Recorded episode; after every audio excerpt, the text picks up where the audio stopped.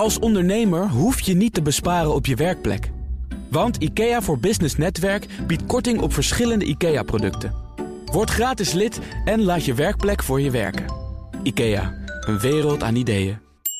Goed financieel gedrag ook een ethische keuring ondergaan. Dat zijn de onderwerpen voor het ondernemerspanel deze vrijdag. En dit is een ondernemerspanel ook op afstand, maar wel met zeer gewaardeerde leden. Jury van Alteren, eigenaar van eh, Duurzaam Bedrijfsleven. En Boris Veldhuizen van Zanten, ondernemer bij de Next Web, oprichter van de Next Web zelfs. Mijn zakenpartner is Wendy van Ierschot, een oprichter, ook een oprichter van V-People en V-Tech Capital. Welkom, dames en heren. En zoals gezegd, van een afstandje ook vanwege de richtlijnen van het RIVM. We beginnen wel gewoon traditiegetrouw met jullie eigen nieuws. En Jury, volgens mij kan ik zonder problemen met jou beginnen, want we hebben gewoon contact, toch? ja, ja zeker. Yes. Thomas. Jij, wil, jij wilt natuurlijk met mij beginnen omdat je denkt... oh, dat zal wel weer over waterstof gaan. Ja, maar ja, wat, wat moet je nog met die waterstofauto als je nergens mee heen mag, hè? Nee, mijn nieuws van de dag gaat over iets anders eh, vandaag. Wat ik eigenlijk wel mooi vind, Thomas... we hebben natuurlijk vandaag en de afgelopen weken... en de komende maanden waarschijnlijk eh, eh, ellende rondom dat coronavirus. Maar wat ik wel mooi vind, ik spreek heel veel ondernemers nu. Dat zijn er heel veel uit de maakindustrie... en heel veel uit de dienstensector. En eigenlijk zeggen partijen uit de dienstensector... goh, we zijn in hoog tempo aan het digitaliseren. Het werd toch al hoog tijd. We hadden dat al eerder moeten doen, dus nu kunnen we daarmee aan de slag. Eh, en het andere is de, eh, eh, de maakindustrie. Daar zie je dat men alles eraan doet om de mensen in die maakindustrie wel aan het werk te houden. En niet tot een moment te komen waarop er een soort recessiegedachte. waarin men een visuele cirkel in gaat eh, eh, ontstaat. En eigenlijk aan beide kanten vind ik het positief om te zien hoe ondernemend Nederland eigenlijk is. Ja, maar je kunt mensen in de maakindustrie wel aan het werk houden, maar er moet er ook nog iets te maken zijn. Of zie ik dat verkeerd? Het houdt ergens op, toch? Ja, nou ja, ik, eh, kijk, ik denk dat er heel veel dingen eh, gewoon door moeten gaan. Hè. Eh, als je kijkt naar bijvoorbeeld GasUnie, daar zie je dat er heel veel. Hè, daar is gewoon het gasnetwerk, de elektriciteitsnetwerken, alles moet gewoon in stand gehouden worden en moet gewoon blijven werken. Dus dat is, dat is ook maakindustrie, Thomas, hier in Nederland. Dus daar Ja. moeten we gewoon mee aan de slag. En digitalisering, die toch al een tijdje op zich liet wachten, dan maar versneld doorvoeren. Aan de hand van wat er nu aan de, aan de orde is. Hè. Kijken of je daarop kunt inspelen. Denk je ook dat dat Ja. een blijvende gedachte is? Geert van Hoofd, die spraken we net voor jou. en Die zei: Je ziet ook dat bedrijven anders gaan werken. Dat we bepaalde zaken anders gaan inrichten. En mijn vraag was toen: overleeft dat ook deze crisis? Of gaan we eh, zo snel mogelijk weer back to normal? Ja, nou ja, eh, kijk, als je het hebt over. Ik zit natuurlijk in, eh, in duurzaam ondernemen. Ik denk dat. Eh, eh, als dit wel beklijft, zou dit helemaal zou dit niet slecht zijn voor die CO2-uitstoot die we natuurlijk met z'n allen naar beneden moeten brengen. En ik merk het zelf ook wel. Het is wel even wennen. Maar als je dan eenmaal. eh, we zoeken uit wat de goede middelen zijn om te zorgen dat je wel kan digitaliseren of digitaal met elkaar in contact kan treden. Ja, als dat dan werkt, dan zou ik het wel mooi vinden als we dat een beetje in stand houden. Ja. Hoe zit jij er eigenlijk bij op dit moment? Een heel persoonlijke vraag. Maar, eh, Eh, la- eh, laat- nou, het is bij mij heel simpel. Ik heb eh, tegen mijn kantoor gezegd: jongens, we, we draaien het om. Als je niet op kantoor hoeft te zijn, dan ben je thuis. En dat betekent dus dat ik hier in mijn eentje op kantoor zit. Dat is qua coronabesmetting ook wel lekker, want dat betekent dus dat ik in mijn eentje zit. maar waarom vond je het zelf wel noodzakelijk om te gaan? Misschien ben je zelf toch ook wat minder onmisbaar dan je denkt. Nou ja, dat, eh, dat is wel zo. Aan de andere Oh. kant, ik zit hier, eh, eh, ik zit hier op kantoor en ik, ik rij met de auto hierheen. Dus ik heb weinig contactmomenten verder met andere mensen. Dus dan is, vind ik het wel lekker om op kantoor te zitten. Ja. En de telefoon gaat ook, hè, dus die moet ook opgenomen worden. Nee, zeker. Ik hoor in één keer ook een hele holle ruimte. Ja, je zit daar helemaal in Oh. je eentje, een groot Ja. paleis. Ja. Ja. Wendy, heb jij nog eigen nieuws eigenlijk? Ehm, nou, we hebben het al heel veel dingen eh, bediscussieerd. Maar ik denk, het is wel leuk om te zien dat heel veel ondernemers ook met elkaar delen. We hebben het er gehad over die content marketing. Van je moet eigenlijk inhoudelijk eh, berichtgeving doen. En dat zie ik wel heel veel ondernemers doen die kansen zien. Dus advocatenkantoren en HR-bureaus die allemaal zeggen: hoe kom je snel aan eh, werktijdverkorting. Ehm, maar ik zie ook onderling in apps, bijvoorbeeld van de Entrepreneurs Organization, waar ik dan zelf veel van weet, dat mensen echt alles met elkaar delen. Van jongens, dit zien wij gebeuren. Eh, ik ben naar de bank geweest, dat heb ik gevraagd op deze manier. Eh, dit is een goeie, misschien een goede link. Wij kijken daar en daar naartoe. En dat verbroedert ook wel weer. Dus de luiken gaan niet dicht, ze gaan nee, open. ze gaan juist open, denk ik. Ja. ja. Ah, en en eh, durven bedrijven dan ook te laten zien dat ze mogelijk kwetsbaar zijn? Ik heb de indruk van wel. Nou zitten wij natuurlijk daarin uh, wel in een hele beschermde omgeving. Want we hebben zo'n soort code dat je dan niet aan elkaar, hè, niet buiten die groep dat vertelt. Maar er wordt heel erg goed gedeeld van uh, hey, dit is wat wij zien gebeuren. Ook met het idee dat we daardoor allemaal ons wat beter kunnen voorbereiden. En hoe vaak zijn die bedrijven trouwens, je hoeft ze niet bij naam te noemen, maar zijn ze kwetsbaar? Ja, ik denk dat er een heleboel bedrijven natuurlijk uh, behoorlijk kwetsbaar zijn. Want je, je omzet zal maar in twee weken tijd uh, met 60% uh, dalen of 70%. En je kan werktijdverkorting aanvragen, maar je, weet, je bent er ook onzeker van. En sommigen hebben, ja, die houden dat twee maanden vol.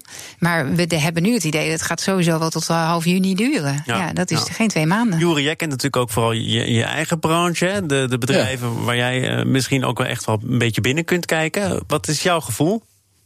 Nou, je merkt wel dat er, uh, ik merk uh, dat er bij heel veel bedrijven natuurlijk een, een soort stop op zit nu. En ik merk ook wel bij heel veel bedrijven is dat ze uh, zich wel zorgen maken over hoe zich dit gaat ontwikkelen. Niet zozeer vanuit het feit dat de economie niet gezond is, maar wel vanuit het feit, en ik vind ook dat, dat vind ik ook dat wij daar als journalistiek bij kunnen helpen, dat men zich zorgen maakt hoe hard praat men elkaar in de put de komende periode. Ja. En dat is wel iets waar ik me wel, daar maak ik mezelf ook wel zorgen om. Want het is uh, uh, iets waar je jezelf, hè, waar je met elkaar je heel snel heel snel tot een recessie of, of erger kan komen.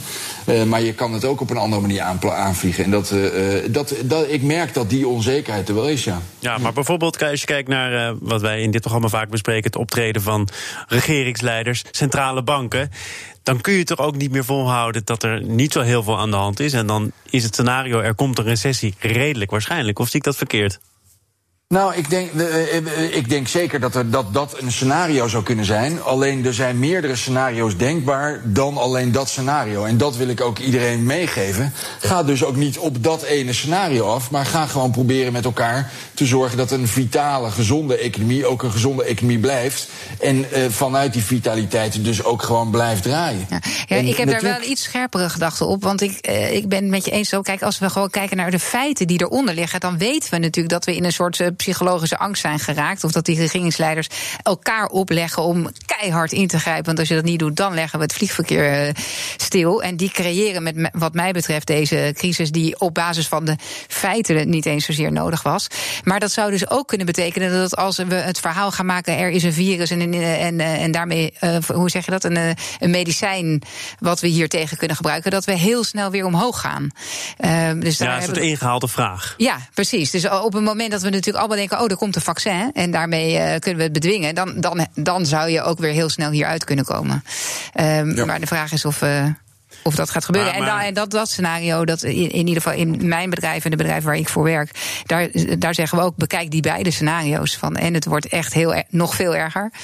Of het is over drie weken. Uh, ineens weer goed. Maar ik, ik waardeer jouw optimisme ook, uh, Jury. En ook zeker dat van Wendy. Maar stel, ik heb nu een, een kapsalon, of ik ben een visagist, of ik zit in de reisbranche of de detailhandel. Uh, de horeca, het ligt toch allemaal op zijn gat. Wat, wat, wat moet je daar dan tegenover stellen om te zeggen: nee, maar het komt goed?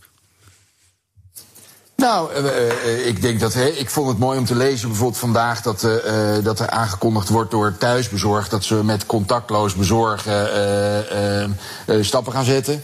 Ik denk dat he, bijvoorbeeld, ik vind het wel mooi dat ik heb nu bijvoorbeeld voor een grote klant van ons organiseren we, helpen we mee om een groot event te organiseren, 10, 15 dagen in een grote eventlocatie, waar allerlei sprekers voor geboekt zijn. Dan hebben we gezegd, nou jongens, we gaan dat creatief met elkaar oplossen en we gaan zorgen dat we of iets online gaan doen. Of we gaan het doorschuiven naar, uh, naar de uh, herfst. Maar we zorgen er wel voor dat we eerlijk elkaar betalen. Nou, dat zijn dingen waar je volgens mij uh, goed met elkaar mee uit de voeten zou moeten kunnen. Ja, ja ik, ik denk, als jij vraagt, Thomas, van het komt wel goed. Ja, het komt goed als je nu dus ondernemerschap toont.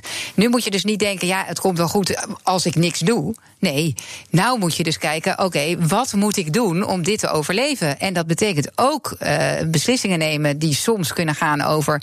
ik uh, verminder het aantal medewerkers wat ik in dienst heb... maar je kunt ook een vlucht een stap voorwaarts en kijken... welke kansen kan ik misschien met mijn kapperszaak juist bij mensen thuiskomen... en hoe kan ik zorgen dat, zij, dat die mensen dan niet bang zijn dat wij besmet zijn. Zou ik daar iets voor kunnen vinden? Van, ik, ik, maak een afspraak met een arts, weet ik veel. Maar die, die ons schoon verklaart en daardoor kunnen we thuiskapper. Ik denk dat als je dat nu online gooit, dat je misschien ineens een hele ander bereik hebt.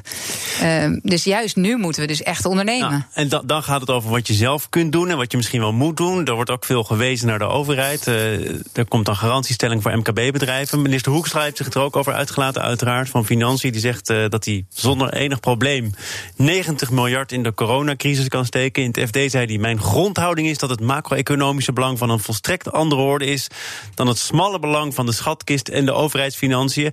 Jury, hij staat klaar om in te grijpen. Ja, nou ja, dat is, dat is natuurlijk een mooi aanbod. En ik denk dat dat ook zeker helpt om elkaar niet uh, uh, meteen al die recessie in te draaien. Maar ik denk dat het dat inderdaad, ik ben het helemaal met, mijn, met de co-host eens. Waar het om draait is, je moet gewoon nu ondernemerschap tonen. En ik denk ook, hè, wat ook volgens mij heel belangrijk is, is dat je dus. nu is het denk ik heel terechte incidentpolitiek. Heel erg reageren in plaats van anticiperen. Heel erg reageren op de ontwikkeling.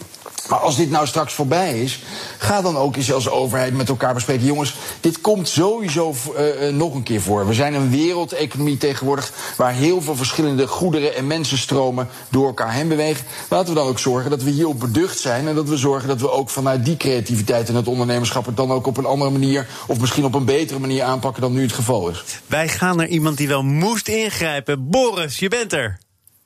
Ja, ik ben er. Boris Veldhuis of Zanten. Nou ja, je bent er. Je bent er van een afstandje. Um, van de Next Web. En um, als ik goed geïnformeerd ben en het gewoon goed gevolgd heb ook... dan is de Next Web ook uitgesteld, hè? Uitgesteld, klopt. Ja, we zouden in uh, juni uh, zijn, maar we hebben twee weken geleden uh, hebben we besloten om uit te stellen naar 1 en 2 oktober. En daar een enorme mazzel mee gehad, want ja, er zijn ontzettend veel events die geen keuze hebben behalve afzeggen. Maar we waren nog op tijd. Uh, dus eigenlijk tot onze verrassing, alle partners waar we mee spraken, zeiden we: Goh, ja, we overwegen om te gaan verzetten. En we hoorden van heel veel mensen: Oh, jullie zijn de eerste die, erover beginnen. Um, en dus het was ook nog mogelijk om uh, te veranderen naar die datum in oktober. Dus uh, ja, ik, heb, ik, ben er eigenlijk wel blij mee. En uh, nu het ook allemaal erger wordt, denk ik dat we een goede keuze hebben gemaakt. En wat zegt het over jou, over jullie, dat jullie de eerste waren die daarover begonnen? Want ja, ik denk misschien twee weken geleden hadden heel veel mensen nog het idee, het zal wel meevallen. Waarom zou je daar nu al op deze manier op anticiperen? Ja, ja. Nou, het is niet zo dat wij nou zo ontzettend visionair zijn. Oh, dat dacht ik. Ik denk, ik geef even alle gelegenheid. Ja, ja, nee. Uh, ik denk het was een samenloop van omstandigheden. We, ik denk dat een paar mensen in het managementteam die waren gewoon geïnteresseerd. Die zijn uh, goed op de hoogte, waren een beetje aan het rondkijken. Uh, we hadden ook wat contact met partners. En we zagen het ook in de ticketverkoop. Hè. Dus we zagen de, de, eerste concern was eigenlijk gewoon uh, gezondheid. Hè. Is, het, is het verantwoord? Daar werden wat vragen over gesteld. Maar daarna zagen we ook de ticketverkoop. De, we vergeleken het een beetje met als op de snelweg een klein beetje afleiding is, nou, hè, dan remt er één iemand, of die remt niet eens, die geeft iets minder gas, daarachter moet een klein beetje remmen, daarachter moet vol op de rem. Uh, Zo'n effect zagen we eigenlijk ook aankomen. Dus we zagen de ticketverkoop een heel klein beetje teruglopen.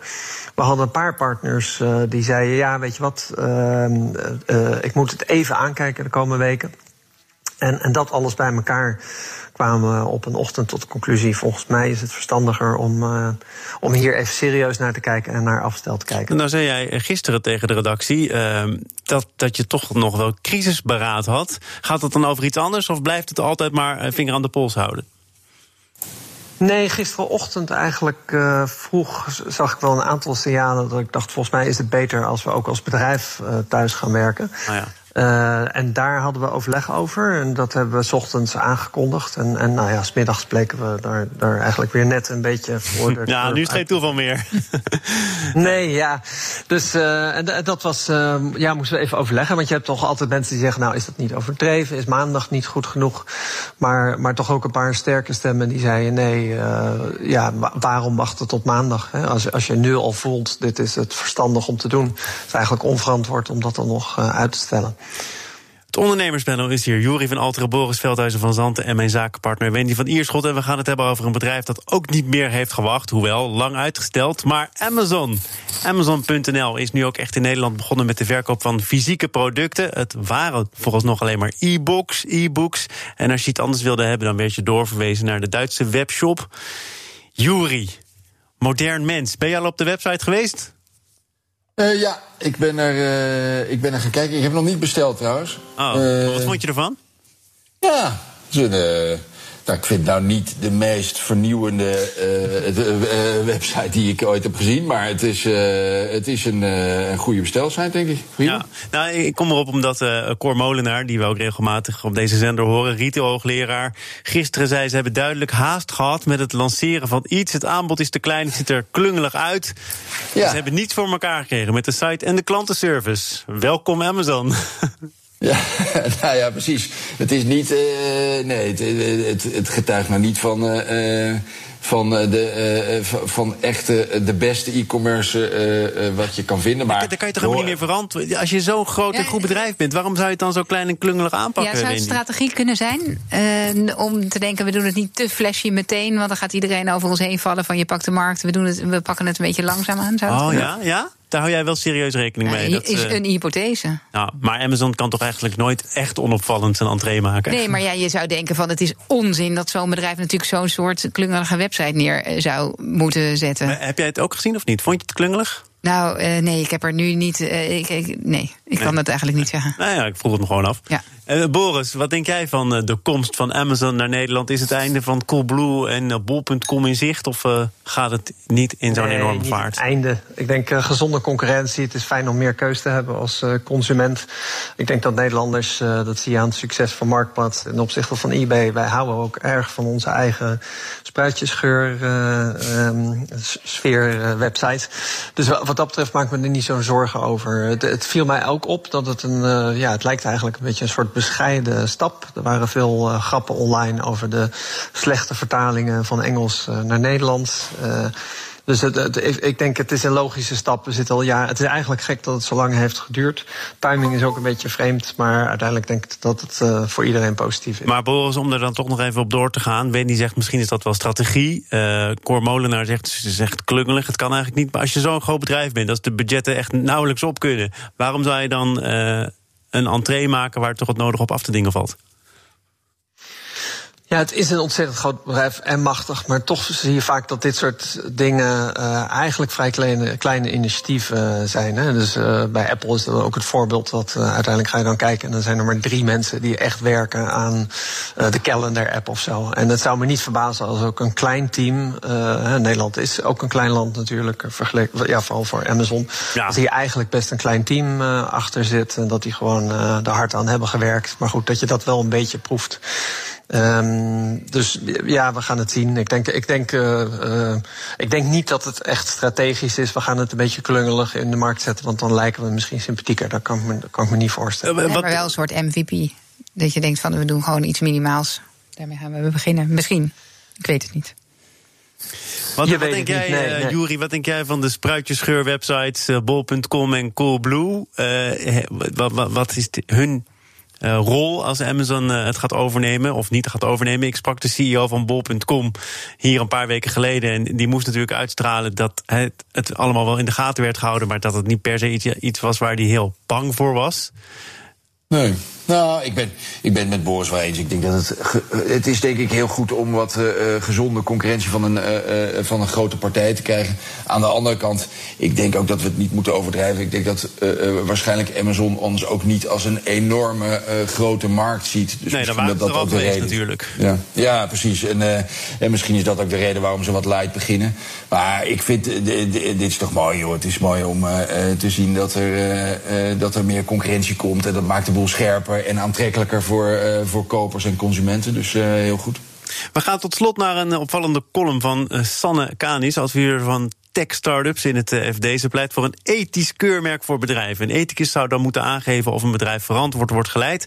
En ze begint met een voorbeeld van het biotechbedrijf Theranos. Dat hebben we trouwens bij BNR ook voldoende besproken. Hand in eigen boezem. Het, het ging over een bedrijf dat beweerde op basis van tamelijk basale, eenvoudige bloedtesten van alles te kunnen zeggen over kwaadaardige ziektes.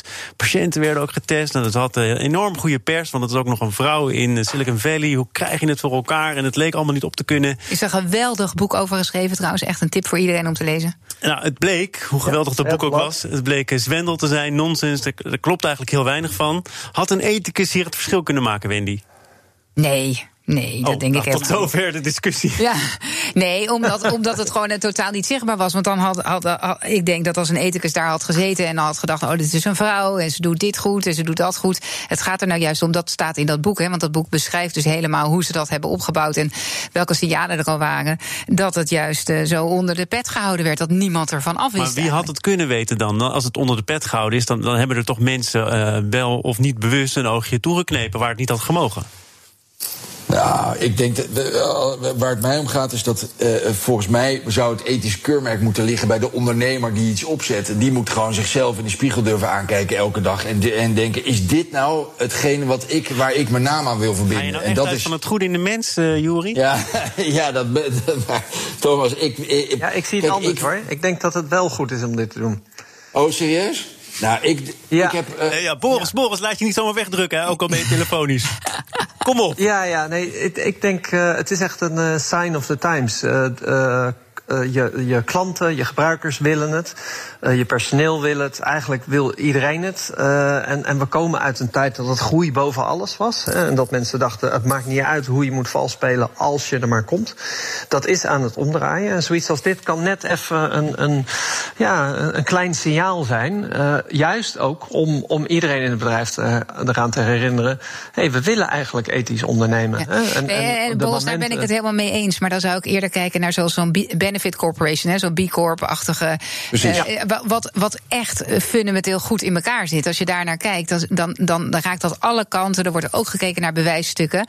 En, uh, en, en alleen een ethische code, denk ik, ja, dat is dan. Uh, hoe bevattelijk voor greenwashing is dat? Nou, en dat ja. is, ben ik helemaal dus ik ben het met je eens, je... inhoudelijk, hè? Ben ik het helemaal met je ja. eens. Maar.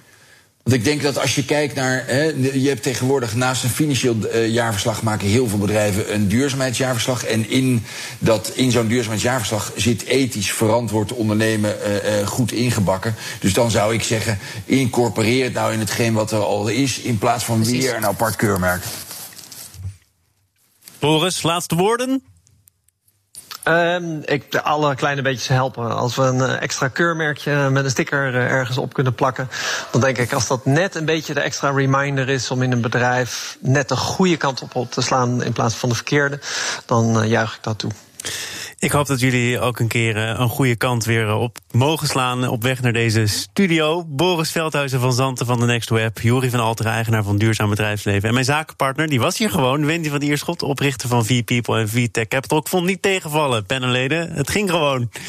Dus uh, wie weet doen we het volgende vrijdag ook zo. Maar dat hangt allemaal af van hoe het virus en de aanpak daarvan zich gaat ontwikkelen. Dat geldt overigens ook een beetje voor de uitzending van maandag. Maar ik kan onder voorbehoud wel zeggen dat dan Fijke Siebesma te gast is. Neemt na 30 jaar afscheid van DSM. Is daar ook al een hele tijd een heel zichtbare CEO. Benieuwd naar zijn verhaal.